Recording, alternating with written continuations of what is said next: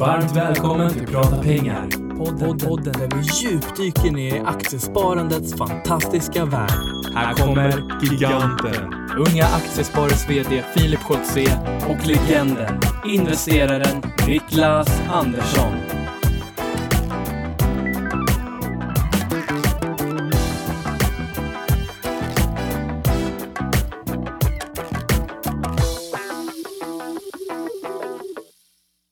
Då säger vi äntligen måndag och varmt välkomna till Prata pengar avsnitt 35. Och vi noterade precis innan här eh, Niklas att eh, det är ganska enkelt med Prata pengar för att när det är avsnitt 35 då vet man också att det är vecka 35. Exaktamente, så du sa vi eh, noterade det. Det, var köper man oss? Nej, vi noterade att det var vecka noterade. 35. Man hör det man vill höra tydligen. Ja, men lite så är det. Det är, man vrider och vänder på allt och så blir det liksom börssnack av det. Ja. Eller Prata pengar, Känner vad man, vad man nu vill. Är allt bra med dig? Allt är bra. Ja, nu har också. vi ju poddat två, ja det är bra här också. Vi har ju poddat två gånger den här veckan. Mm. Både i måndags då, live och, ja nästan live och så idag. Idag fredag morgon är det äntligen igen. Jag skrev på Twitter innan, eller när jag var på väg hit, att äntligen fredag morgon igen. Det är liksom det som är Prata Pengars själ. För att komma hit de här fredag och, eh, och spela in. Och sen avsluta kvällen med lite godis från Cloetta. Ja. Märk väl, det är inte reklam, det är faktiskt sanning. Det är faktiskt det jag gör. Ja, lite så. Jag skulle kunna säga att jag dricker lite öl eller cider från Kopparbergs, men det gör jag inte. Nej. Jag försöker få bort sockret. Ja, jag sa till dig att du ser riktigt eh, smidig ut numera. Ja, alltså det gjorde du tidigare också, men... men eh, Diplomatiskt Filip. Fast nu liksom, ja men det, man märker att du är ute och springer. Ja, ja. men det är kul. Nu är det ju finansloppet på upplopp också och vi fick någon på, på Twitter igår som frågade Nordnet eller Avanza, ställer ni upp? Eh, och, och, då sa våra kollegor, nej vi får nog, vi får nog stryka på det där och köra till nästa år och då taggade de in mig och sa investerar, inte ens du då? jo, sa jag, jag ska vara med, eller jag vill vara med. Men då var anmälan stängd, men eh, sen visade det de sig att, ja jag frågade liksom om inte Finansliv gör ett undantag, men, men ehm, det går ju efteranmälan. Så att Ah, jag ställer upp. bra. Så nu taggade vi igång det där igår och Bra, bra. jag sa att självklart ställer jag upp. Sen kom eh, Bornold in och sa självklart ställer han upp. Sen kom Tessan på Aktieinvest och sa hej glöm det där, det är vi som vinner. Eh, så, ja men det var lite roligt, det ska bli jättekul. Och du vet att Unga Aktiesparare är med också. Både jag och Patrik och hela gänget ska springa. Ja, jag, Ja. fick, jag såg det igår på Twitter. Det var inte så, vi pratade som inte varandra på, på vanligt traditionellt vis som man gjorde på pratar 1800-talet, utan vi twittrar. Så är det. Eh, Men, men Aktieinvest ska jag säga där, eh, Therese har ju faktiskt ganska rätt. Eh, Aktieinvest har ju riktigt vassa löpare. Men det. Ja. I den här Bellman-stafetten som gick eh, för ett par veckor sedan var det var, så tror jag att något lag där kom eh, riktigt högt upp. De är vassa. Ja, jag kan säga så här, Jocke Bornold där då, han sa att han, eh, eh, han sa självklart att han skulle utmana mig. Då tycker jag att, ja, jag eh, sa det att då sprang jag Lidingöloppet som en börsraket förra året. Men om sanningen ska fram så vart jag ju inlurad i det där och var tvungen att träna inför det. Men, men då kontrade han och sa att han sprang till bussen häromdagen och kände sig segare än Telia-aktien. Och då, då fick jag lite dåligt samvete och då sa jag väl att jag är väl inte heller ett derivat på löpning utan snarare någonting med en halv, minus en halv gångs hävstång. Man ska ju vara lite ödmjuk. Ja, det ska man vara. Ja. Eh, och eh, nu ska vi kicka igång med eh, en liten, en liten shout-out eller vad vi ska säga. Eh, vi har ju haft en sommarkampanj den här månaden, Unga Aktiesparare, eh, där man kan bli medlem för 149 kronor istället för 275. Inget pris har blivit ännu lägre pris på något sätt. Det kostar inte så mycket att vara medlem i UA. Eh, men den här, och den här sommarkampanjen löper ut nu eh, sista augusti, tittar på Patrik och han nickar. Eh, så att nu när det här avsnittet kommer ut så har ni bara ett par dagar på er och den här sommarkampanjen har gått jättebra. Så att vi har fått in jättemånga nya medlemmar den här sommaren, vilket är super, super kul. Och alla våra lokalavdelningar laddar järnet nu för att kunna göra liksom bra aktiviteter under hösten.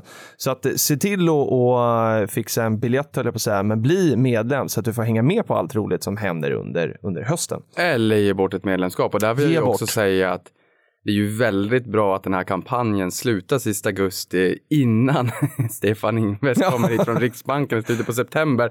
För vi vill ju inte när han kommer hit säga att unga aktiesparare bidrar med deflation.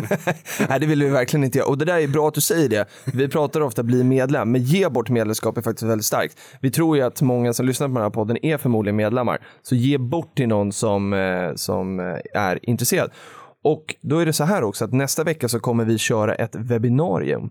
Eh, första gången eh, någonsin tror jag som många Aktiesparare kör ett webbinarium för de som vill komma igång med aktier. Det här kommer vara den 31 augusti och det är på webben då, webbinarium.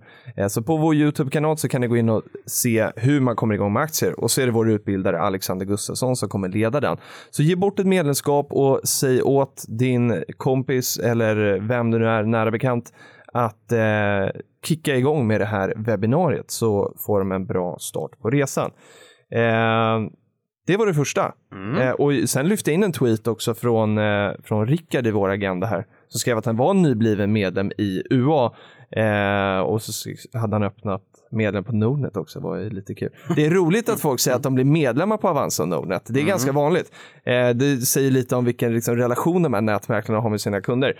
Eh, och sen sa han då att det var premiär för aktieköp den här veckan. Och eh, det första jag vill säga med det här, Rickard, jättekul att ni skriver in och hashtaggar prata pengar. Gör gärna det när ni blir eh, medlemmar i Unga Aktiesparare eller sätter igång och behandla aktier. Men det han tänker på här Niklas, det är ju uppesittarkväll. Mm. Vilket jäkla drag det var häromdagen. Ja, verkligen. Det är helt makalöst. Det, det har bara blivit större och större med, med ett litet undantag för fotbolls men då var vi väldigt stora då också. Verkligen. Ska vi göra en snabb recap vad uppesittarkväll är? Ja, Ja, Ehm, vill du dra den? Ja, men det kan vi dra. Vi kan, vi kan dra en, en historisk liten eh, snabb, kan försöka. Uppesittarkväll började väl egentligen för, för väldigt, väldigt länge sedan, för 13 år sedan när jag Nej, vänta nu. alltså det här är ju så här, här har ju min tant som lyssnar på det här också. Men ja, ja, Ja, ja. Det, det började en gång i tiden när jag satte av Och hon mer- heter Jenny. Ja, när jag satte av mer pengar än vad jag egentligen borde ha gjort. Jag skämdes för hur mycket jag investerade. Mm. Ehm, och- Ja, men- det, det här är lite jobbigt. Ja, ja, men är men, men, men då, ja, då satt man uppe där och funderade på vad man skulle investera i och så fort lönen kom in så puttade man över pengarna till Mm. portföljen. Och sen har det växt mer och mer och i dagsläget då med Twitter och sen vi Mm. startade den här podden så innebär det att väldigt många intresserade människor samlas på Twitter och diskuterar vilka investeringar man ska göra efter tolvslaget. Sen skjutsar man över pengar till portföljen och så handlar man dagen efter när lönen har kommit. Ja. Så det har blivit en väldigt, väldigt fin tradition. För 13 år sedan fanns inte Twitter. Nej. Och idag har det blivit en otroligt häftig tradition där väldigt många människor går in och diskuterar investeringar. Man ser det så pass att det, liksom, det mullrar i Twitter-Sverige och skakar upp vår hashtag uppesittarkväll till första plats i hela Sverige. Ja, för Twitter visar ju vad som trendar och vilka, och det är faktiskt inte bara hashtags har jag sett, utan det verkar ju vara ord också. Eh, och, men där kommer ju uppesittarkväll högst upp och vi gjorde det nu häromdagen och det är fantastiskt. Och sen om det är att det pratas mest om det eller liksom, ja, nå, någon sån algo eh, är det förmodligen. Ja, och det har skapats en trend. Jag menar, det såg vi ju där också ehm, att det är rätt många hakar på. Vi har haft Dagens Industri som väljer hashtag prata pengar för Mm. Toppnyheter och vi har SME Direkt där Ja. som valde att ehm, vara med under den här uppesittarkvällen och bjuda på, på estimat. Mm. Så de sa att vilka bolag vill ni ha estimaten på? Estimat innebär att man då får eh, förväntningarna om framtida eh, både omsättning och, och vinst och utdelning. Alltså de, Ja, de, de helt prognoser, man Ja, estimerar prognoser. prognoserna på framåt och 16, 17, 18 Mm. det brukar det vara då. Och det var rätt många som skickade iväg frågor till dem och de bjöd på, på de här direkt i Twitterflödet för att skapa liksom en rätt härlig Eh, vad ska man säga? En härlig kväll. Eh, och bidra med sin del, eh, eller sitt strå till stacken Mm. för att kunna analysera de bolag man är lite sugen och intresserad av.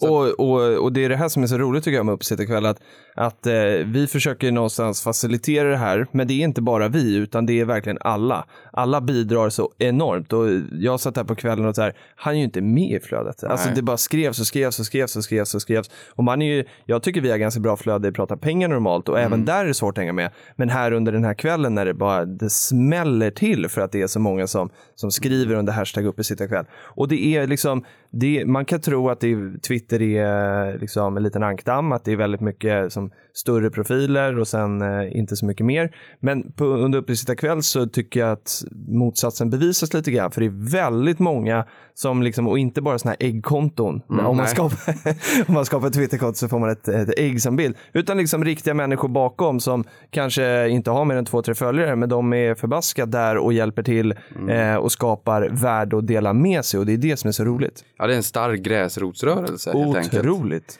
Nej, men det där var väldigt roligt. Även så att eh, så pass att norrmännen frågade när trenden kommer till Norge Ja. och taggade in Nordnet där för, för eh, Nordnet har ju verksamhet Jo. i, i Norge.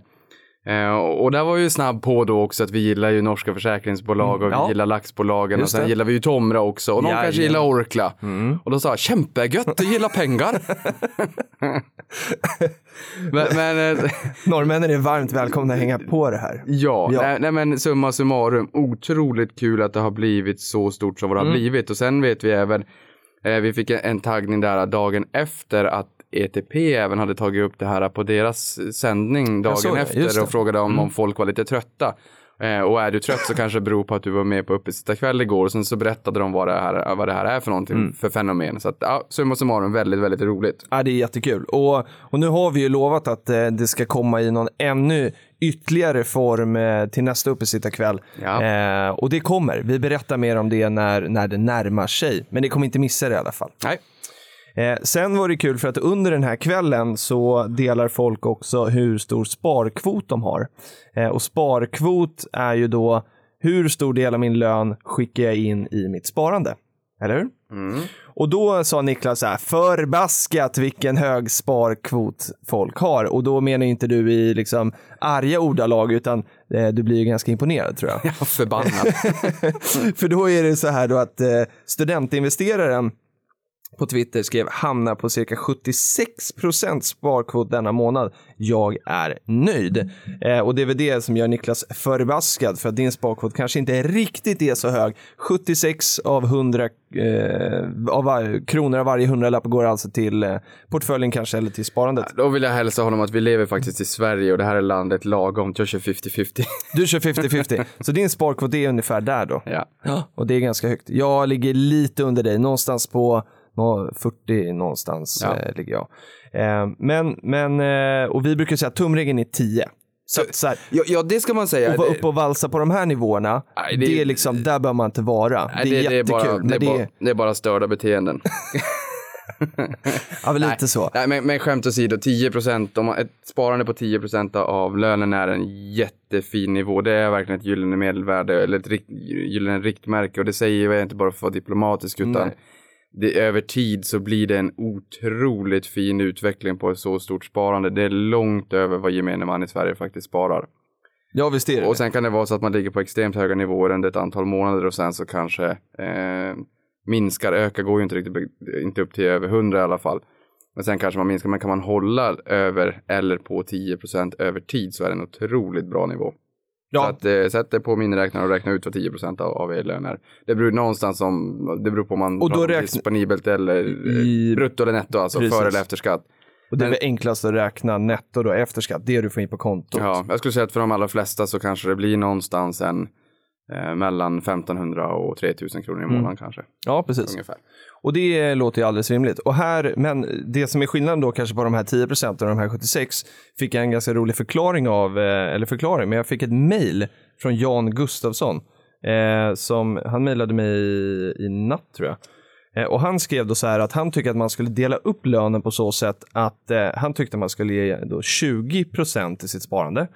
Eh, men Sen så sa han då eh, att man också skulle ge 30% till nöje. Och om det är så att eh, ens nöje är aktier, vilket det är i vårat fall, då kan det ju bli både de här 10-20 då, plus de här 30 eller del av de här 30 som går till sparat. Det är därför det är så stor skillnad på, eh, på de kanske som ligger på 76% och en vanlig dödlig som ligger på 10. För de här 10 är ju fantastiska, så det är bara det vi vill förmedla. Ja, ja, kärnsparande på 10 är väldigt bra. Sen om det är så att man tycker att det är väldigt roligt och man har det här lite grann som en hobby, då blir ju de övriga blir ju kanske ett substitut till att spela hockey eller rida ponny eller vad man då än vill. Precis, Ehm, Det blir lite mera pengar som avsätts till en hobby inom citationstecken. exakt. Inte bara det här reda sparandet, man sätter en slant i spargrisen för att minska vikten på, på lördagsgodiset. Ja, exakt. Ja. Eh, och eh, till det här då någonstans, för hur stor den här sparkvoten kan då bli beror ju lite på hur mycket pengar man spenderar. Och, och här fick vi en till fråga från vår favorit Knutnävs-Knut. Det är alltid lika roligt att säga. Eh, men han undrade hur mycket fickpengar som vi brukar leva på varje månad efter alla lån och sådär då såklart.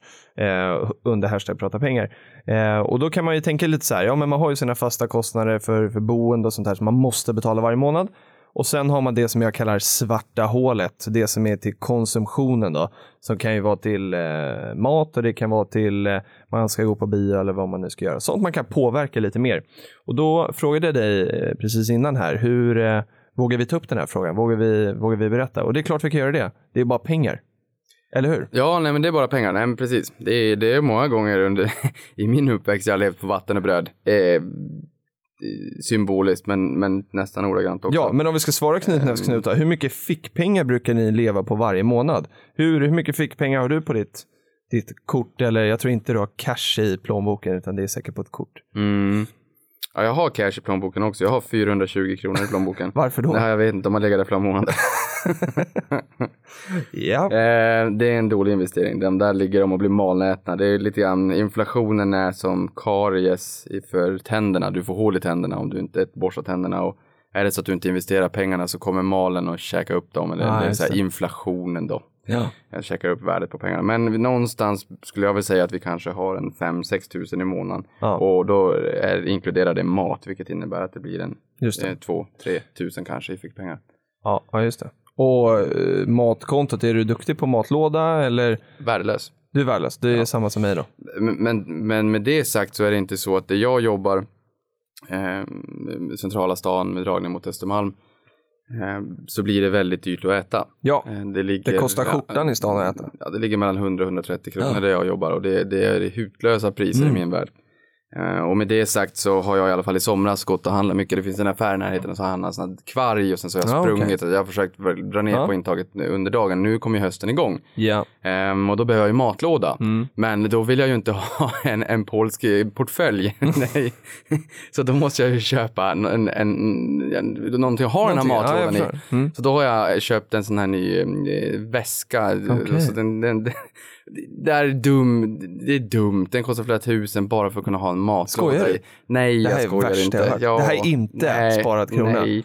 Men samtidigt så investerar jag ju pengar varje månad. Och Ja. när de är investerade så kan man vara lite dum med de andra pengarna. Det får man vara, absolut. Men den, den, den, eh, Jag den är på väg hem. Jag nu. behöver inte anmäla dig till Lyxfällan i alla fall. Nej. Jag vet att du klarar det. Men det är väl det som också är liksom det fina då med att spara. Att, ja, men då kan man faktiskt unna sig sådana där saker. Om man nu tycker att det är nödvändigt. Eh, så kan det vara. Ja, nej, det är, ja. Inte riktigt så. Ja, och jag ska väl också berätta då. Jag brukar, eh, mitt svarta hål, eller mina fickpengar då som jag kallar det. Eh, jag brukar börja, eller när månaden startar så har jag alltid 10 000 på kontot. Och, eh, och sen arbetar jag ner det här. Eh, och eh, ofta så går jag lite plus, så att det blir inte 10 000. Men det är bara en skön känsla att känna att, att det inte blir noll på kontot, så att det liksom finns lite marginal. Och marginalen sen för ju också över då till nästa månad till uppesittarkväll och månadssparande.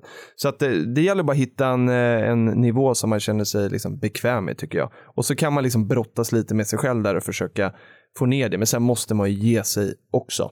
Eh, vi måste ju leva, eller hur? Ja, vi måste leva. Eh, det är väl som Per och Börje som har skrivit i en av sina böcker. Eh, han har skrivit någonting i stil med tiden är den ultima, ultimata valutan här i världen och ingen vet hur lång tid vi får leva på jorden Nej. och pengar gör att man kan leva livet på det sätt man vill, inte måste. Exakt. Ehm, men med det sagt så det är det ju livet som är den, det, det ultimata och, och man blir ju inte yngre. Så att pengarna är roligt men, men pengar är ju någonstans uppskjuten konsumtion och ska ju någonstans någon gång användas. Ja, Så att det blir ju en, det blir ju en bra balans där helt enkelt. så är det. Det är samma sak som i en vanlig aktieportfölj, balans mellan olika bolag. Exakt. Härligt. Eh, något mer vi vill säga om upp... Jo, du sa en annan bra grej. Eh, och det är lite som bygger på det här. Du sa att man är beroende av den 25 för att bli oberoende av den 25. Ja, men det är en av många sådana där nördiga ord som jag har, brukar slänga mig med. Men, men det är ju just det beroende av den 25. Sen är det ju, alla får ju inte lön den 25. Vi hade ju några under uppesittarkväll som inom landsting får 26 och vi hade några som får den 15. Sen vet jag i Norge, då vet man aldrig när man får. Nej. Eh, Man får lön inom en 30 dagars period men det är ingen som vet när de får för det är ungefär Nej. när de betalar i företaget, när de Mm. tar fram den fakturan liksom inom citationstecken i den här luntan och betalar ut det så du kan få det precis när som helst. Ingen vet när man Jaha. får det. Vi hade en, en, en norsk kollega på jobbet som sa att nej, nej, nej, det här med 25 det finns inte där. Eh, Vilket förvånar mig lite grann. Det, är- det, är, rätt, det är ett För land är så som, nära. Det är ett land som ligger så nära men man tänker inte på sådana här saker. Hur, hur länge går man i skolan? När kommer lönen? Eh, tandläkaren gratis? Det, man, man har rätt dålig koll på det där. Men i alla fall, beroende av den 25, nu utgår jag från alla får den 25, vilket så då vi vet inte Ja. är fallet. Nej. Men beroende av den 25 när kassaflödet där kommer för att kunna investera de här och i framtiden bli oberoende av den 25, alltså Mm. inte behöva jobba för lönen och mat på bordet, utan pengarna ska ju jobba för dig. Just det. Eh, och det tror jag är ett skifte i vår generation också, att fler och fler är inte intresserade av att jobba bara för pengar. Och nu kan det låta som att jag raljerar, och det gör jag säkert. Men jag tror att det i större utsträckning, och det finns ju studier på det här också, vad som är viktigt för olika generationer. Och för oss är det viktigare, eh, har man då sett när man tittar på det här, att, att jobba med någonting man faktiskt brinner för, Visst. att man identifierar sig med sitt jobb och att man vill ha utmanande och utvecklande arbetsuppgifter och att lönen inte är det enda som är viktigt. Nej. Ehm, så att som sagt, sätt pengarna i arbete, investera och låt pengarna jobba för dig. Det finns mer att göra här i livet än att gå till ett jobb som man inte tycker är roligt. Är. Vi har nog säkert alla varit där. Absolut. Och ja, kloka ord. Och det bygger lite på nästa fråga som jag faktiskt inte har hittat avsändaren på. Eh, jag tror att jag såg det här på din Instagram eh, där det var någon som frågade om vår skolgång. För under, för, nej det är nog den här veckan egentligen, så har skolorna satt igång och då pratar vi högskola och universitet. Eh, och, och då var det någon som skrev och frågade vad vi tycker om skolan och apropå då det här att man ska göra man vill själv eh, förverkliga sitt, eh, sig själv i sitt liv och göra någonting man tycker om. Vad eh, tycker du och jag om skolan och vad är vår egen erfarenhet var frågan då. Ja, jag kommer ihåg den här frågan för att jag la ut en bild på min Instagram, jag heter investeraren där också då. Mm. Och, ehm, och på min Instagram det blir bara börsnörderibilder. Ehm, Men, då la jag ut en bild på min arbetsplats, hur det ser ut där jag jobbar. Ja, var det på den? Ja. Okej, och då ska vi se, Ja. ta fram den här kommentaren. Så, så vi kan få en avsändare också. ja men precis, det är lite roligt faktiskt. Ehm, där, Mm. ja men det här, det här, det är det här namn. Karl Oskar Jans, Karl Oskar Jans. ja, men vad trevligt. S- eh, snyggt. Det vore ju jäkligt trevligt om du och Filip någon gång kunde gå igenom Eh, inom parentes behöver det inte vara så långt. Okej då. Angående studietid, studietid samt er syn på unga som studerar ekonomi idag. Tror Ja, många Mm. däribland jag skulle finna det här mycket intressant. Och sen så en pokal. Vad roligt. Ja. Ja, men vad bra. Vad, vad snabbt du kunde hitta fram den där. Och jag satt och letade igår och hittade den inte. Ehm, ja, men vad säger vi då? Vad har du pluggat? Har du pluggat? Ja, ehm, men säkert inte mer, eller både ja och nej, mer än vad jag vill och kanske inte mer än vad jag vill. Jag har pluggat och började plugga upp i Boden efter gymnasietiden. Där finns ju inte så mycket att välja på, så där skannade jag hela Sverige på distanskurser eftersom att jag bodde långt ifrån resten av världen. Eh, Allt som hade med finans och aktier att göra och, och dammsög det och lite juridik. Sen flyttade jag ner till Stockholm och då körde jag en, en eh, KI-utbildning, kvalificerad yrkesutbildning mot bank och finans ett år och sen så körde jag universitet på Stockholms universitet dessutom. Ehm, och nu försöker jag löpande, jag har inte någon master, eh, inte gått vidare och tagit någon master, men jag Men läste du någon motsvarande kandidat då på Stockholm? Företagsekonomi, Ja. kandidat med företagsekonomi. Mm. Ehm, ehm, däremot så har jag inte skrivit klart min uppsats, eh, ska tilläggas. Jag har alltid varit sån där, och det ska jag göra, eh, men jag har alltid, eh, vad ska man säga, för mig har det alltid varit viktigt att tjäna pengar. Ja. Jag har jobbat mm, från 13-14 års ålder, då jobbade jag för 30 kronor i timmen Mm. på en grill och flippa burgare. Eh, Men sen under gymnasietiden så jobbade jag eh, heltid fast på kvällstid Mm. för att tjäna de här pengarna. Mm. Och det har alltid varit det viktiga. Jag har inte kunnat ta helt ledigt från, från jobb bara Nej. för att kunna studera. Nej. Eh, Och det har jag gjort idag, att jag har byggt upp en, en, en stor portfölj som jag vet jag kommer kunna leva på Mm. eh, under livet. Så jag menar, någonstans har jag väl bockat av en milstolpe där. Det är klart. Ehm, men likväl så vet jag att ju mer man lär sig om den här branschen, för att både du och jag är ju väldigt fascinerade av finansmarknaden. Mm. I finansmarknaden i största allmänhet, där har du ju aktie och kreditmarknaden, men kreditmarknaden kanske, eller aktiemarknaden i synnerhet. Och ju mer man lär sig desto mer inser man att man inte kan, vilket gör att jag löpande faktiskt försöker gå någon utbildning här och där, Mm. alltså någon 7,5 poängare Ja, eller kanske någon 15 poängare hela tiden. Mhm. Och det har jag gjort de senaste 10 åren. Men på distans då? Ja. Ja, okej. Ehm, och jag har faktiskt kört några kvällskurser också. Det var någon på SCB tidigare när jag jobbade som skulle gå någonting. Jag bara, åh jädrans vad är det du säger? Det där vill jag också gå på. Så ringde jag upp och sa, kan jag få komma? vad kul. Och så vart det ett halvår där. Mm. Ehm, så att jag skulle nog säga att jag ger mig nog inte efter att man har läst klart sin kandidat, utan jag läser löpande. Det Allt jag kommer lite- över. Ja. Sen vet jag att det finns lite internationella också. Jag, nu kommer inte jag ihåg exakt vad den heter, men det finns en internationell utbildning likt Swedsec fast tyngre. Mhm. Eh, som man kan gå eh, och den är jag också lite sugen på. Ja men den har jag hört talas om. Jag, ja, jag kommer inte ihåg vad den heter nu. Ehm, Men det är nog, ja jo. men sånt där är Ja, roligt. det är kul. och jag menar, det, Men du har tagit Swedsec? Ja, jag tog Swedec för sex år sedan. Oh. Eh, och, och där kan jag faktiskt visa, för jag satt vid min dator, vi håller på att renovera om lite grann hemma. Och, eh, Svårt att visa något i en podd. nej, jag kan bara visa dig så får vi se din reaktion. Men, men, eh, jag höll på att rensa hemma och sådär. Eh, och då dammade jag av någon på, någonting på, på skrivbordet mitt och då hittade jag min Swedec-licens. Det här är alltså, ja det, är- ja det är sex år sedan nu, det var Ja. tidigt 2010. Ja. Och ehm, Hur ser det ut då? Ja, jag var ju lite mindre. en liten stackars pojk som precis hade tagit sin. Swedec. Nej vad fin. Jag trodde jag skulle bli yngst i Sverige, men det Men var jag du, inte. kan när, vi, när vi släpper den här podden, kan inte du lägga ut den där då? Ja, det kan jag Ja, väl det, göra. får, det, det får du bjuda på. Det var jättefint. Ja, det kan jag väl göra. Eh, ja, det var roligt. Eh, Jag har inte tagit Swedsec och jag har, jag har inte eh, jag har pluggat, jag har gjort precis som du, läst tre år kandidatexamen, pluggade i Jönköping. Eh, började plugga här i Stockholm på Stockholms universitet, men, men sen flyttade jag till Jönköping och fick lite, lite mer studentliv. Eh, det finns inte så mycket av det här i, här i Stockholm. Negativ avkastning på levern. Ja, lite så. Eh, så att, ja, jag gjorde tre år i, i Jönköping. Eh, tyckte det var jätte, jätteroligt. Just av den anledningen. Och, och det är väl liksom svaret på frågan också. Eh, om jag ska vara helt ärlig. Jag tycker att eh, jag älskar också att jobba. Jag tycker jag lär mig mest av att jobba.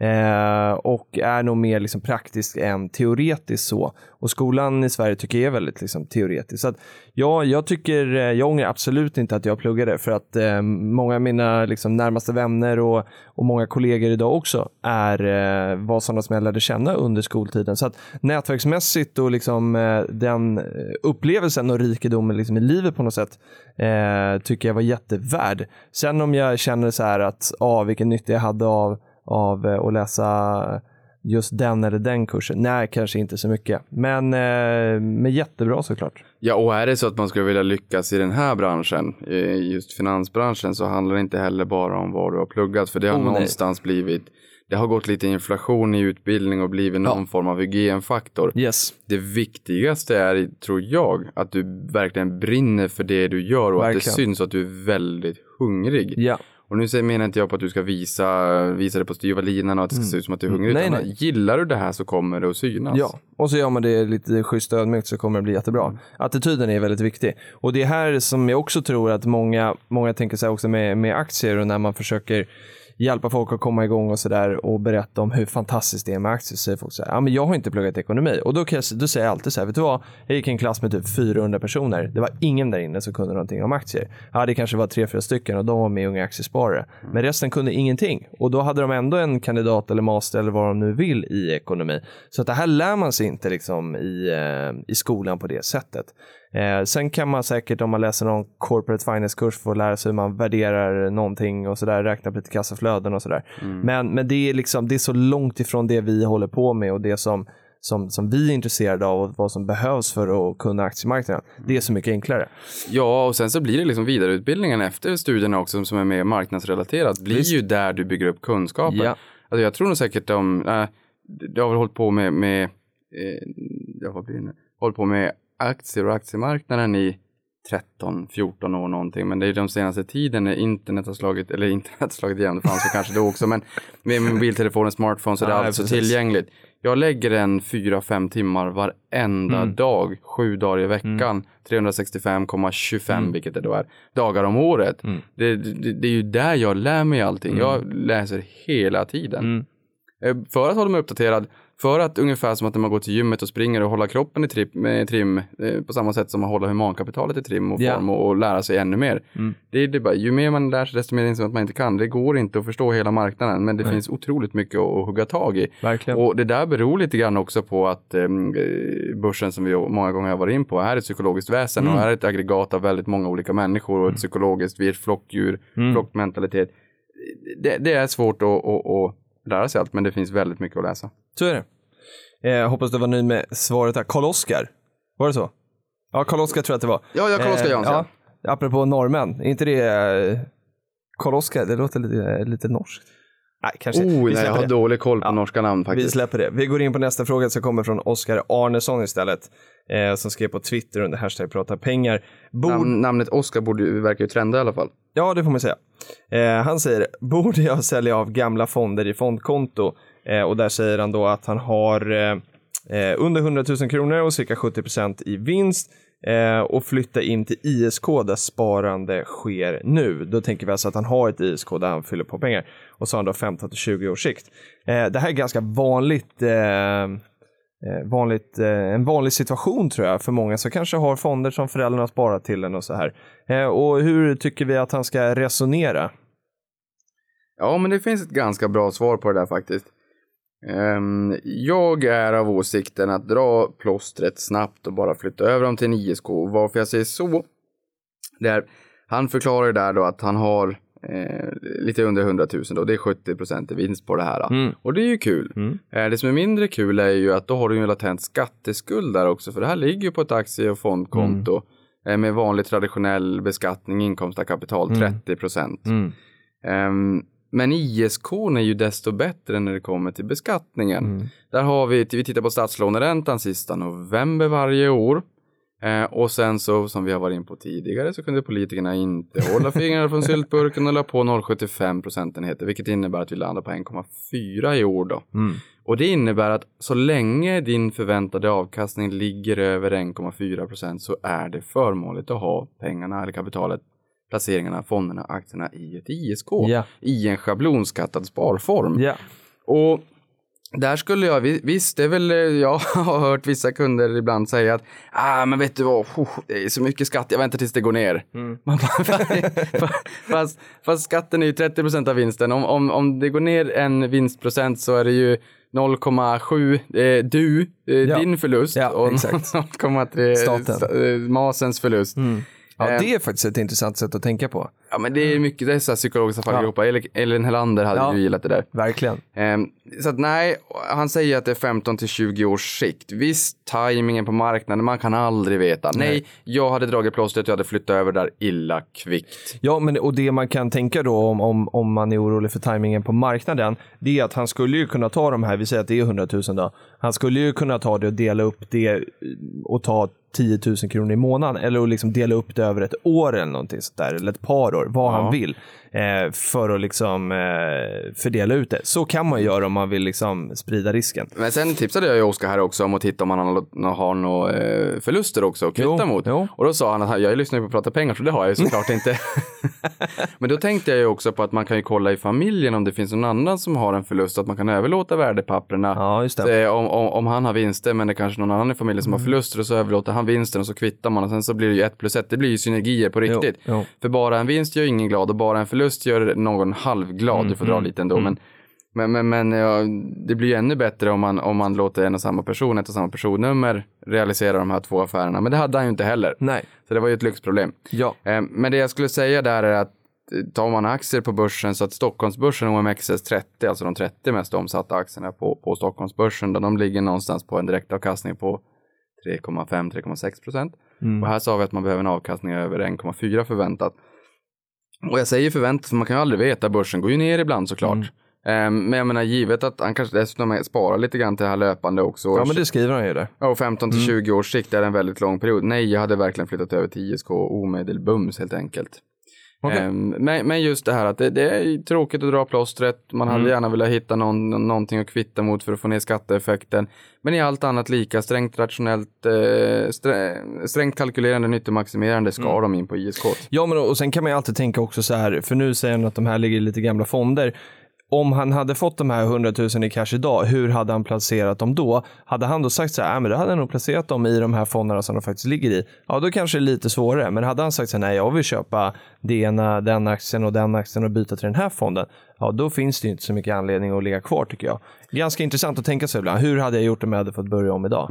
Eh, så, så att eh, det blir ju den liksom, risken i det också, att ligga kvar i, i, i de här fonderna om man faktiskt inte tror på dem. För det kan ju vara gamla och eh, liksom, dyra fonder också, som kostar väldigt mycket. Och sen det roliga med statslåneräntan också som ligger till grund för beskattningen av ISK, det är ju snittet på, med, på statspapper mellan 5 och 10 års löptid. Och Det är ju det vi per, per, per, se- per definition kallar för riskfri ränta. Mm. Alltså det räntan utan att ta någon risk överhuvudtaget. Sen finns det ju ingenting som inte heter Nej, någon risk nej. överhuvudtaget. Men Men, ungefär. men ungefär, staten är det, det är den som har högst eh, kreditvärdighet i Sverige då. Mm. Eh, och om det är så att räntorna på statspapper stiger som ligger till grund för hur man värderar aktier så bör även, även aktierna ge en betydligt bättre avkastning. Ja. Sen om det skulle komma som en chock Mm. för marknaden att räntorna sticker upp jättesnabbt eh, och bromsar, eller, eh, bromsar konjunkturen så kan det bli lite jobbigt. Då kan eh, aktierna få sig en sättning. Men här pratar vi om så pass lång horisont. Ja, Vi pratar om 15-20 år är 15-20 jättelångt. Ja. Eh, ja, men vad bra. Eh, lycka till Oskar och jätte, jättetack för frågan. För det där är en väldigt vanlig fråga. Jag tror vi har haft den förut också, men den tål att upprepas. Ja, jag hade inte tvekat en sekund, men däremot så hade jag tyckt det var jobbigt att dra plåstret. Men det tycker nog alla. Ja, men det kan man förstå. Jo. Ibland gör det ont att, att hålla på med det vi gör. Ja. Ja, men över tid känns det bra. Ja.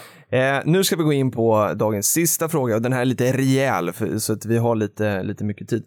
Eh, och det här har jag fått på mail faktiskt från Rasmus som sa att han inte sysslar med, eller han nyttjar inte sociala medier så frekvent.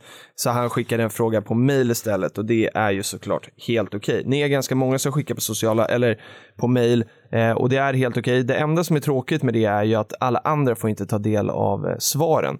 Eh, men det går alldeles utmärkt. Han säger så här, jag är 28 år gammal och bestämde mig för knappt två år sedan att förändra min ekonomi och börja spara mer frekvent. Och då började han med att betala av sitt eh, dåvarande billån så att han blev helt skuldfri. Eh, klokt. Och sen började han spara 10 000 i månaden på ett sparkonto hos Avanza. Nu är Niklas mår bra alltså. Ja. Jag kan inte, ja, jag kan inte dölja att jag ler. Nej, men det får man jättegärna Ja, göra. ja. Och eh, framförallt för att han sparar 10 000 kronor. Det är ju fantastiskt mycket pengar. Ja, det är det. Sen nådde han då 100 000 kronor i likvider och då eh, började han spara 10 000 i kronan, eller 10 000 kronor i månaden, mestadels i, i stabila utdelningsaktier. Och sen har månadssparet gått upp sen dess säger han. Alltså hur, hur mycket tjänar han eller hur lite pengar bränner han? Det här är helt eh, fantastiskt. Och nu har Ja, jag ser mig själv i honom. ja men Från, är det du år. som har skickat in? Nej, nej, nej. nej, men, men det är kul att se. Fortsätt läs. Ja, jag du, fortsätter. Du, Och sen- du, du, är, du är som en ljudbok i Storytel. Ja, vad härligt. Och, och där vill jag bara säga, in och titta på Storytel. De är lite spännande. Jag har inte aktien i bolaget, eller jag har inte äh, aktier i bolaget Nej. själv, men det verkar gått väldigt bra för dem. Det här är som en ljudbok i Storytel. Ja, Filip, och, och, keep och nu när du säger Storytel så ska jag säga Next Story. För de har vi, eh, när man eh, blir medlem i Aktiespararen under sommarkampanjen så får man testa Next Story en månad gratis. Fick vi in det också. Ah, kanske finns några ekonomiböcker. Ja, det gör det. är det det gör. Det är därför det är kul med dem. Eh, men, och då säger han då att han har nu i alla fall en aktieportfölj på cirka 350 000 kronor och drygt 100 000 kronor i likvider. Det här är liksom grundförutsättningen. Det är där han står idag. Och han har de här 100 000 kronorna kvar för att han vill vara beredd om det kommer en dipp så att han kan skjuta in lite mer. Men också för att han på något års sikt vill köpa en ny bil och fundera på att investera i någon mindre skogsfastighet. Det kanske är du ändå uppe i Boden där med skog och grejer. Ja, vi, vi, efter 50 procent av den här texten så är vi fortfarande väldigt lika. Vi har en, en hög korrelation. Sen kommer det bli lite mindre lika här nere. Men, men eh, ja, och då säger han i alla fall att han vill ha de här likviderna för att han känner att eh, det kan komma situationer som gör att han behöver eh, cash och då vill han inte sälja av aktier. Men då säger han så här, och det här ska vi inte fokusera så mycket på, men han säger att han har sett att Nordnet har ett knockoutlån som kostar eh, 0,99 Eh, och sen så säger han då att där får man belåna 40% av värdet. Det här är precis samma hos Avanza. Eh, man har ju, Avanza har ju också en belåning, men den kostar 1,75. Det är väl därför han tittar då på det här. Eh, men det är inte det som är hela poängen i det här. Hans poäng är, eh, skulle det vara värt för honom att belåna det här, sin portfölj, alltså investera de här 100 000 så han har 450 000 kronor i portföljen och sen belåna det vid det tillfälle som han behöver cash. Så att han använder belåningen som ett, eh, vad ska vi säga, som ett gummiband för den dagen han behöver pengar. Det är det som är frågan. Sen om det är på Avanza eller Nordnet, det spelar inte så stor roll. Eh, och vad tänker vi kring det? Jag skrev till honom i, igår och så sa jag så här, jag lovar att ta upp det här i podden. Eh, så att vi ska ge honom ett svar. Eh, jag kan väl tänka så här och resonera att vi brukar ju prata om att en buffert är ju klokt. Eh, jag har en buffert för att jag känner att jag vill kunna ha ett gummiband och kunna liksom, om det händer någonting som jag vill handla eller måste lägga pengar på, liksom aktivt eller eh, inte aktivt, det vill säga och jag kanske inte vill men jag måste. eh, så är det ganska skönt att ha lite pengar på konto tycker jag. Eh, sen är det klart att man kan göra precis som, eh, som han resonerar här, att vara totalt fullinvesterad i aktieportföljen och använda någon form av då kreditlina belåning för de gångerna man behöver cash. Jag gör inte så, utan jag använder belåning visserligen, men jag använder det för att eh, för att trimma upp aktierna lite grann och få lite hävstång. Jag använder dem inte för att kunna finansiera mitt, eh, mitt privatliv. Eh, vad tänker du? Eh, jag tänker att jag inte riktigt förstod frågan. Ja, frågan är så här. Vill han använda alltså Han har- belåningen på portföljen för att finansiera den här bilen och privatlivet? Ja, så att frågan är så här. Han har, idag har han 350 000 kronor i, eh, i sin portfölj och han har 100 000 kronor på, i cash på konto. Och då tänker jag så här, ska jag lyfta in de här 100 000 i, i, eh, i min depå? För där tjänar jag ju mer över Ja, tid ja. än vad jag gör på sparkontot. Ja. Och så använder jag belåningen för, eh, för att kunna ha cash. Aha. Ehm, Det var frågan. Ja, strängt kalkylerande nyttomaximerande, ja. Ja. Eh, men frågan är om det ska vara så. Eh, jag men, det, det, man skulle kunna se det som så här att om, om man någonstans vill ha en avkastning på sina aktier på säg 10 procent, men då är kostnaden för eget kapital 10 procent. Eh, om, om du hade varit ett bolag så hade du tänkt okej, men jag kan låna på en nätmäklare till 1 procent säger vi. Eh, det är min kapitalkostnad 1 procent för lånade pengar, men, men om jag investerar pengarna själv så har, de, har ägarna till det här bolaget, eller ägaren är ju du själv då i, i Filip AB eller Niklas AB, då är avkastningskravet 10 procent på di, ditt eget kapital, på dina egna pengar. Eftersom att du kan investera dem på marknaden där du förväntar dig att få 10 procent på Ja. dina pengar. Vilket innebär att det är tio gånger billigare att använda lånade pengar för att finansiera eh, exempelvis en bil än vad det är att använda egna pengar där de ska jobba i portföljen istället. Så att, strängt kalkylerande nyttomaximerande säger igen ja, men frågan är om det är så man, man ska göra. Man, det är nog rätt bra att ha en balans däremellan för allting är ju inte riktigt så. Nej, det är ju inte det. Och, liksom, nej, och går man då till sig själv, precis som jag berättade, så här, nej, men jag, jag tycker det är skönt att ha en buffert och jag vet att du också har en buffert. Eh, så att lite grann så, så det, det vi kan göra här är ju att liksom beskriva hur vi själva resonerar och hur vi själva lever. Ja, för sen är det väl så där också att om, bilen, om det är så att man vet när man ska köpa den här bilen och det är väldigt klart syfte att jag ska köpa en bil om ett år, ja, men då kanske de pengarna inte riktigt ska in på marknaden heller, Nej. för man har ingen aning om vart marknaden går på ett år. Nej. Eh, det är inte så roligt om det så man lägger in de här pengarna på börsen och sen så viker börsen i 20 procent så har man tagit ett lån på, på det Tutti då 100 som Nej. ligger och tickar ränta men med eget kapital i portföljen har minskat från 100 till 80. Precis. Det där beror lite grann på också vad man själv känner. Jag hade nog kanske jag hade nog investerat de pengarna och, och kanske fundat det på så vis. Men, men jag, jag lite osäker. Det där beror verkligen helt och hållet på hur man själv Ja, men lite så. resonerar. Och sen tänker jag också så här, ett sätt som jag tycker Rasmus kan tänka på, som jag själv brukar tänka på, det är att så här, för nu är han ju extremt duktig på att månadsspara. Och de här 100 000 som han har i, i, i buffert idag, de pengarna över, över tid kommer ju inte spela någon roll överhuvudtaget. För i och med att i det här fallet nu lägger in minst 10 000 kronor i månaden och även om det hade varit mindre pengar så är ju 100 000 kronor över, över ditt liksom aktieliv kommer vara väldigt, väldigt lite pengar. Och om de, om de pengar på konto gör att du känner en trygghet i att så här, ja, men jag vet att de här finns där, jag behöver inte röra mig. För han säger ju också att han vill ju inte i dagsläget eh, hamna i en situation där han måste sälja av aktier. Eh, men någonstans är det liksom nästan det man gör när du har en kreditlina också, även om du faktiskt inte sälj, trycker på säljknappen. Men du belånar ju det du har, så i princip, ja, man skulle kunna säga som att det är ett sälj. Eh, det är lite samma sak i alla fall. Du blir skyldig pengar. Eh, och är det då att 100 000 gör att du känner dig trygg i magen och känner så här att "Nej, men nu, nu, nu har jag min aktieportfölj och den får liksom leva sitt liv och så lever mitt privatliv sitt med 100 000 på kontot. Låt det vara så då. Men, men där kan jag väl också säga att jag menar, jag har ju mina kreditlinjer eh, i portföljerna för att kunna ha en flexibilitet och kunna handla aktier precis när jag vill. Jo, men det är för att handla aktier. Är det, Ja. är det för att handla bil? Är det för att handla liksom, eh, privata saker? Ja, alltså för, för det jag kan säga där är ju att alltså, en stor del av, av mitt liv har jag dedikerat till, till aktier. Och, Mm. och eh, är det så att jag vill funda någonting eller finansiera någonting Mm. och, och så, så kan jag absolut tänka mig att, jag menar, jag blir ju på något sätt oberoende när det kommer till kreditfacilitet eftersom att jag har mer Mm. möjligheter att låna pengar på min portfölj än vad jag någonsin kommer att behöva använda. Och med det sagt, så om det är så att jag behöver pengar så kan jag absolut tänka mig att ta det tar jag av kreditlinan i portföljen och lånar ut till hushållet. Det hushållet står helt eh, solitt ansvar att betala tillbaka det där. Eftersom som ni vet om ni har lyssnat på det här ett tag så brukar jag säga att jag sköter portföljen som ett eget AB. Eh, I, I tankens värld i alla fall. Jag har en, en 100% Chinese wall mellan det, det löpande hushållets ekonomi och portföljen. Så jag tar aldrig ut pengar och jag återinvesterar allt utdelningen. Den är helt sluten och stängd som en mussla.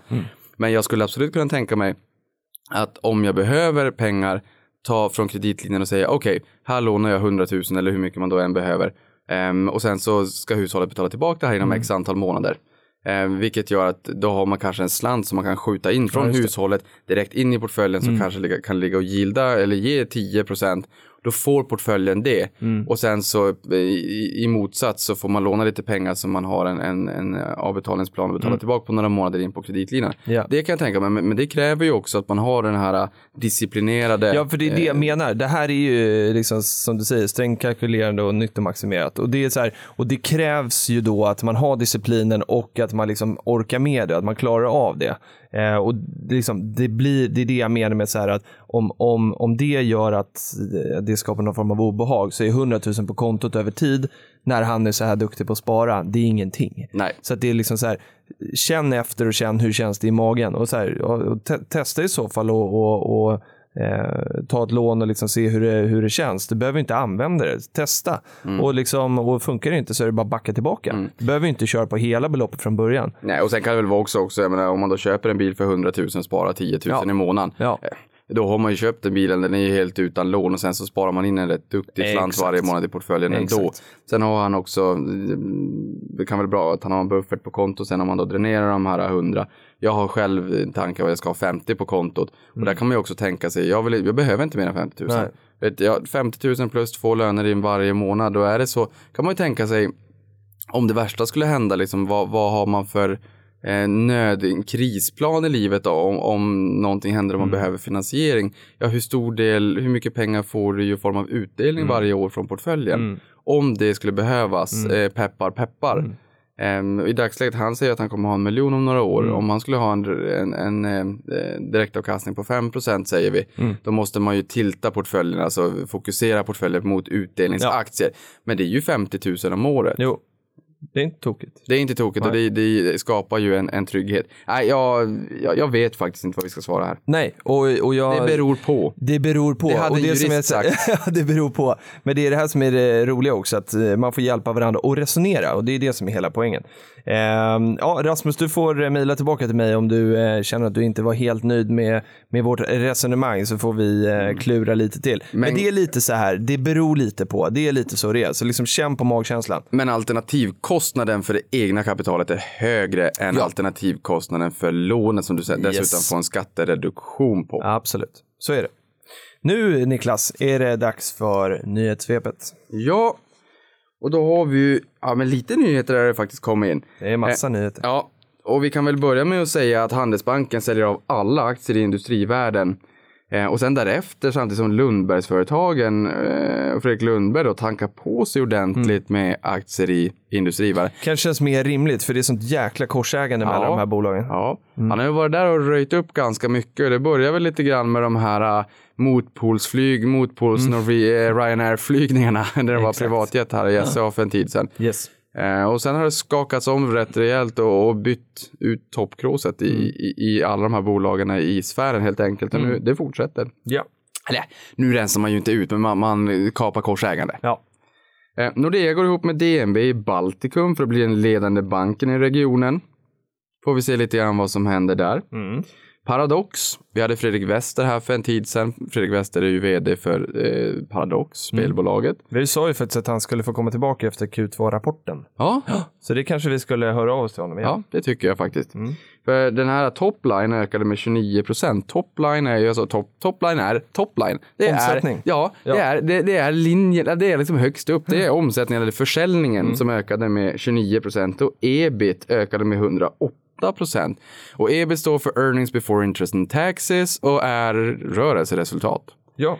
Eh, ökade väldigt, väldigt mycket. Jo, jo, jo. Kul för de som äger Paradox och kul för de som är ägare i Spiltan. Jag äger då Paradox och du äger Spiltan.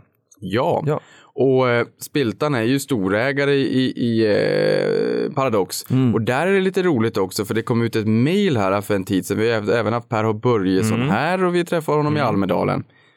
Och substansvärdet nu senast var 7196 kronor per aktie och den köpte jag för 705 kronor per aktie Bra i jobbat. maj 2013. Nu vart det så att kursen sattes till 6000 någonting, men, men hade den satts i paritet med substansvärdet, alltså i paritet med bokfört värde, om man hade köpt en krona för en krona. Nu gör man ju inte det. Nej. En sjundedel är 14 procent, 90, 86. Man köper alltså en krona för 86 öre i dagsläget eftersom att aktiekursen är satt under substansvärdet. Men det innebär att om den hade landat på en bit över 7000, då hade jag gjort min, eh, en 10-bagger där. Ja, just det. Och en 10-bagger är ju en investering som går upp 10 gånger, eller, eller alltså då 1000 procent. Mm. Så det här bolaget har levt lite i det fördolda. Per och Börjesson och Spiltan lever ju absolut inte i det Nej, nej. fördolda, men just aktien i, i, i, i AB Spiltan, Mm, investmentbolag. Så att väldigt kul att se. Det har gått väldigt bra för dem. Och, nog Paradox har en Paradox- stor del i det. Ja. Huvudstaden har slagit börsen varje år i tio år, skrev man på, eh, på Dagens Industri. Jag tror att de har en ny skribent. Jag tror han är ny i alla fall. Dag eller jag vet inte vad han heter i förnamn. Eh, men, men jag gillar hur han skriver. Och han sa då att huvudstaden slagit börsen varje år i tio år. Det tror man inte riktigt, för huvudstaden är lite så här som man brukar skämta att det är som en obligation. Ja, väldigt tråkigt. Ja, men det, här- Eh, det här låter inte så tråkigt. Nej, och tråkiga aktier gillar vi. Därför finns den i min portfölj. De har höjt utdelningen varje år i 18 år. Och sen det här viktiga som vi brukar prata om. Fundera vad du fick för löneförhöjning i år. Jag gissar på att de flesta tar sig in mellan 0 till 2 procentenheter. I det här fallet så har huvudstaden under alla de här åren snittat. Eller nu ska jag faktiskt vara, jag är osäker på om det är under alla 18 år eller om det var de senaste 10 åren. Det, det håller jag lite osagt. Om någon undrar så kan ni bara skriva så återkopplar jag på det. Men då har utdelningstillväxten varit 8,6 procent om året. Det är väldigt, väldigt bra. Det är riktigt bra. Och sen Assa Abloy har för tredje gången rankats som ett av världens mest innovativa företag och det här då 2016 av internationella Forbes. Ehm, och mig veteligen har jag sett i redovisningen, ta mig inte på ordagrant på siffran, eller siffragrant om man ska säga. Men 30 procent av omsättningen ska inom en treårsperiod komma ifrån nya produkter. Det är en sån där som jag vill minnas Ah. vet att jag sagt. Okej. Det, jag kan säga utan att skämmas så är det en stor del av omsättnings eller intäktsmixen Mm. som kommer från nya produkter som inte fanns Häftigt. för tre år sedan. Det är det alla häftigt. digitala lås och sådär då kanske? Nej, men, men digitala lås är ju en trigger för dem framåt. Jag vet, vi Mm. har sagt det här tidigare då, att 85% av, av låsen i, i Sydkorea är elektroniska. Inte så är fallet då i, i, väst här. Nej. Eh, och det där är någonting som, som både driver att man ska byta ut alla de här och det blir mera teknikinnehåll, man kan ta mer betalt, det finns en ökad betalningsvilja, man, de håller ungefär 15 år istället för 40, man är beredd att betala mer. Får man lite appar i telefonen så tycker man att det är skönt och vill man också kunna betala lite mer. Tänk dig själv vad du betalar för en, en, en liksom Nokia 3210 idag eller en sån här gammal 150 kronors mobil som bara gangstersen använder kontra, kontra den här nya smartphonen. Jag menar det är klart du är beredd att betala mer för den nya smartphonen. Det enda du, alltså grundtesen är att du ska kunna ringa och det kan du med Yes. båda men du betalar ju mer för, för den här nya telefonen. Samma sak med låsen här och det här är ju en trigger för dem framåt. Ehm, så kul att du sa det där. MTG som äger Viaplay ska börja producera eget innehåll likt Netflix. Och det var lite sådär, de- den stod i rubriken i, i, i, när- det gick ut, men, men jag vet inte för det var egentligen bara en serie eller en filmatisering det stod där. Ja, men det gäller att börja någonstans. Ja, men jag tror sakta men säkert att de ska börja titta, kika lite grann på eget innehåll. Eh, Domino's Pizza slog all time high. ATH, om ni ser det någon gång i media så, så står det för all time high, alltså högsta någonsin, högsta notering på kursen, aktiekursen någonsin. Jag kan säga att jag var där och hjälpte till lite grann när jag var i, i Kanada i sommar. Ja, det var det? Ja, det är ju eh, det är lite gott. Och vi har inte den typen av liksom pizzor här hemma, så att när man väl är där så är det lite, är lite kul att testa. Ja, och ska man ha det amerikaniserat så eh, Yum Brands äger ju eh, KFC, eh, Taco Bell, Yes. Taco Bell tror jag. Taco Bell alltid ihop. Ja. och Pizza Hut. Och Pizza Hut har vi ju i Sverige. ja, det har vi Eh, visserligen. Så det där, och det är noterat då i, i USA. Men. Domino's Pizza, intressant, öppnar precis en 13 000 restaurang. Coolt. Eh, Finwire skrev att Meda avslutar sin 21-åriga eh, börskarriär. De har varit noterade från 95 till 2016 och facit blev en uppgång på 3532 procent eller 5095 procent om man räknar med återinvesterad utdelning. Galet. Sen så kan jag väl säga så här, det är kanske inte jätteroligt med, med att hösten börjar närma sig, men samtidigt så är det väldigt varmt. Det är, det- det är väldigt kvavt, man känner sig som en, man, man har badat varje gång man kommer in på kontoret med skjorta. Det är tycker det. jag inte om. Nej, inte jag heller. Eh, och en av få saker som gör att jag längtar till hösten är att Apple kommer med en ny telefon snart och det ser jag verkligen fram emot. Under september här brukar det Ehm, bli. ja, Bloomberg hade lä- läckt uppgifter om man sa 7 september, men det är inte bekräftat. Sen vet jag att Apple är ju en aktie som har gått upp ganska fint inför varje nytt produktsläpp. Alltså inte de här mellanåren, utan de här eh, vanliga när det kommer en ny, helt ny telefon. Det har inte riktigt skett inför den här gången, men nu senast så har jag faktiskt sett att aktien har börjat trenda på uppåt. Det har- Och vi hade ju Warren Buffett som gick in i bolaget också i, i, eh, här i våras i maj. Sen kan man också fråga om det var Warren Buffett eller om det var de nya talangerna i bolaget. Men likväl så var det Berkshire Hathaway Ja. som, som eh, rattas. Starkt signalvärde. Ja. Ja. och därefter är den upp 20 procent. Så han gjorde ju jättefina affärer. Två års, årsavkastningar där. Japp. Eh, nu får vi skynda på lite grann, Ja. men Fingerprints förra vd Jörgen Lanto som, eh, som det är lite ro- rolig kurios också, som jag var nere i Malmö här och Just det. intervjuade för en tid sedan. Eh, den kan man se på YouTube om man vill, men hur som helst, han har gått in i bolaget aktionär undrar om man kanske säger, kanske. Annars är det någon som säkert säger att vi sa fel. Utvecklar en strömsnål radarsensor som kan göra exakta avståndsmätningar. Och det här kan användas i mobiltelefoner för ansiktsigenkänning, robotdammsugare och drönare har jag skrivit, men jag menar drönare. med mera. Och han spår att det här är en disruptiv teknik som kan bli nästa Fingerprint. Det är ju lite kaxigt. Det är lite Då vill kaxigt. man håsa. Det här är ju inte, det här är ju inte noterat det här bolaget mig veterligen. Hade det varit det hade det varit lite tveksamt att kanske säga sådär. Ja, den är farlig att säga. Eh, Den är farlig, även om det står han fritt, men ändå lite farlig. Jo. Bahnhof ökade topline, alltså omsättning eller försäljning med 27 procent, rörelseresultatet med 17,4 och vinst per aktie med 15,4. Det här är kul att se. Mm. Och Jon, vi var ju och besökte Pionen och besökte serverhallen där, där Mm. man även har spelat in en Beck-film och han sa att jag gillar utdelning. Och det är lite skönt, han vill inte ut på en massa eh, vi, vi försökte få in honom till Aktiespararna, han ville inte riktigt, han vill inte ut på de här, han vill gärna jobba Mm. istället. Eh, han sitter där i, i sin lilla låda och jobbar och bygger värde för aktieägarna. Eh, inte roligt kanske att vi inte kunde, vi har ju haft träff med, honom tidigare, men, men, men han är duktig på att skapa aktieägarvärde och fortsatt, det går väldigt fint. Bolagen i S&P 500 delar i genomsnitt ut 38 procent av vinsten. Eh, och vi var inne på det här för något avsnitt sen, hur, eller förra avsnittet va? Hur st- stor andel av vinsten Ja, bolagen exakt. delar ut. Precis. Och det här är också viktigt att kunna se om man då vill att bolag ska kunna öka sin utdelning över tid och så här, är det en sund utdelning eller det kanske lite väl i överkant. Kolla hur stor del av vinsten som bolaget delar ut och kolla på de finansiella målen, vad, vad de själv säger att det ska ligga över tid. Men S&P 500 då, eh, 38 procent av vinsten i snitt och 44 av 500 bolag, det vill säga nästan 10 procent, delar även ut mer än nettovinsten. Ja. Sen kan det ju vara så att nettovinsten faller ett år och man har, har eh, större kassaflöde precis. än nettovinst också. Sådär. Det är väldigt bokföringstekniskt. Ja, men det där är lite intressant och det var Dagens Industri som skrev det då. Och sen Investors Permobil har förvärvat kanadensiska distributören Advanced Healthcare och vill bli marknadsledande i Kanada. Och det är intressant att se här att Investors slås in mer och mer på vårdsektorn. Jag menar, världen blir, vi blir äldre och äldre. Och åtminstone där pengarna finns, och det kan ju låta kallt, men i, de, i, i de delar av världen där pengarna finns och betalningsviljan finns, där blir vi äldre och äldre. Och de regionerna som har väldigt unga människor, där finns det inte lika hög, hög betalningsviljan kanske, men det finns inte, man har inte lika mycket pengar. Betalningskraften finns inte där på samma sätt. Vi har ju Karin Fries på Carnegie som Ja. investerar, eller som förvaltar Afrikafonden. Hon har sagt att när hon är ute på resor runt om i Afrika, hon är inte gammal, vad kan hon vara? 40 kanske, hon ser inte gammal ut för fem öre. Eh, Farligt i viss ålder det. Ja, men det är därför jag också sett att hon inte ser gammal ut för fem öre om hon skulle lyssna på det men det gör hon inte. Ehm, de i Afrika, där, de tycker att hon är gammal. Mm. Och det är ju så här halvroligt att höra när man är mitt i livet. Då kommer dit. Men där är det en väldigt ung, ung befolkning. Ja. Men, men, men Tydlig trend i Investor i alla fall, att man går på vård. ja, Mm. vård. Och det pengar, och det här är Kanada och liksom man kanske går också där pengarna finns. Mm. Vilket, och de vill bli marknadsledande där, så det är kul. Getinges vd sist men inte minst får sparken och aktien dyker på beskedet. Det är ett bolag som har haft lite jobbigt. Mm. Det, finns, det, det är inget sting i Getinge. Nej.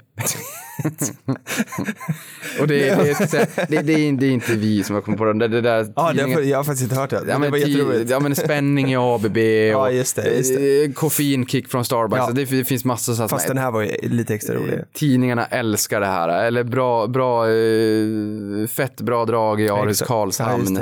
eh, fett producent. Så det, det finns många roliga sådana. Ja, roliga. Finanshumor. Bra nyhetssvep Niklas. Så nu eh, ska vi alldeles strax avsluta. Vi ska bara göra en liten uppmaning. För vi, eh, vi skulle vilja att ni går in på eh, iTunes och eh, podcaster. Det är lite oklart det där, vad heter det egentligen.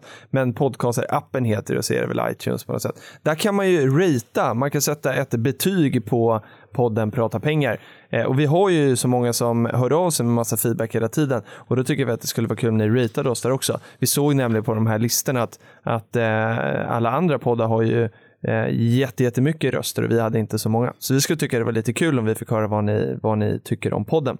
Så gå gärna in och rösta på oss. Ja. Eller rösta, rata oss. Rate oss. Och sen ska jag ju, kan jag ju lova en sak också som vi har pratat lite grann om sådär, Mm. men, jag- men jag vågar lova det. Och det är att inom kort så kommer vi även att bjuda in Johan Thorén, Ja.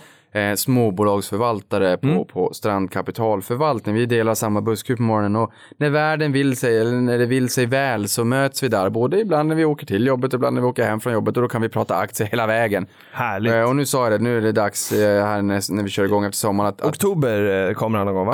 Ja, och bjuda in och det tycker han ska bli jätteroligt. Och det här är faktiskt en förvaltare som jag tycker är väldigt duktig, som jag har stor respekt för.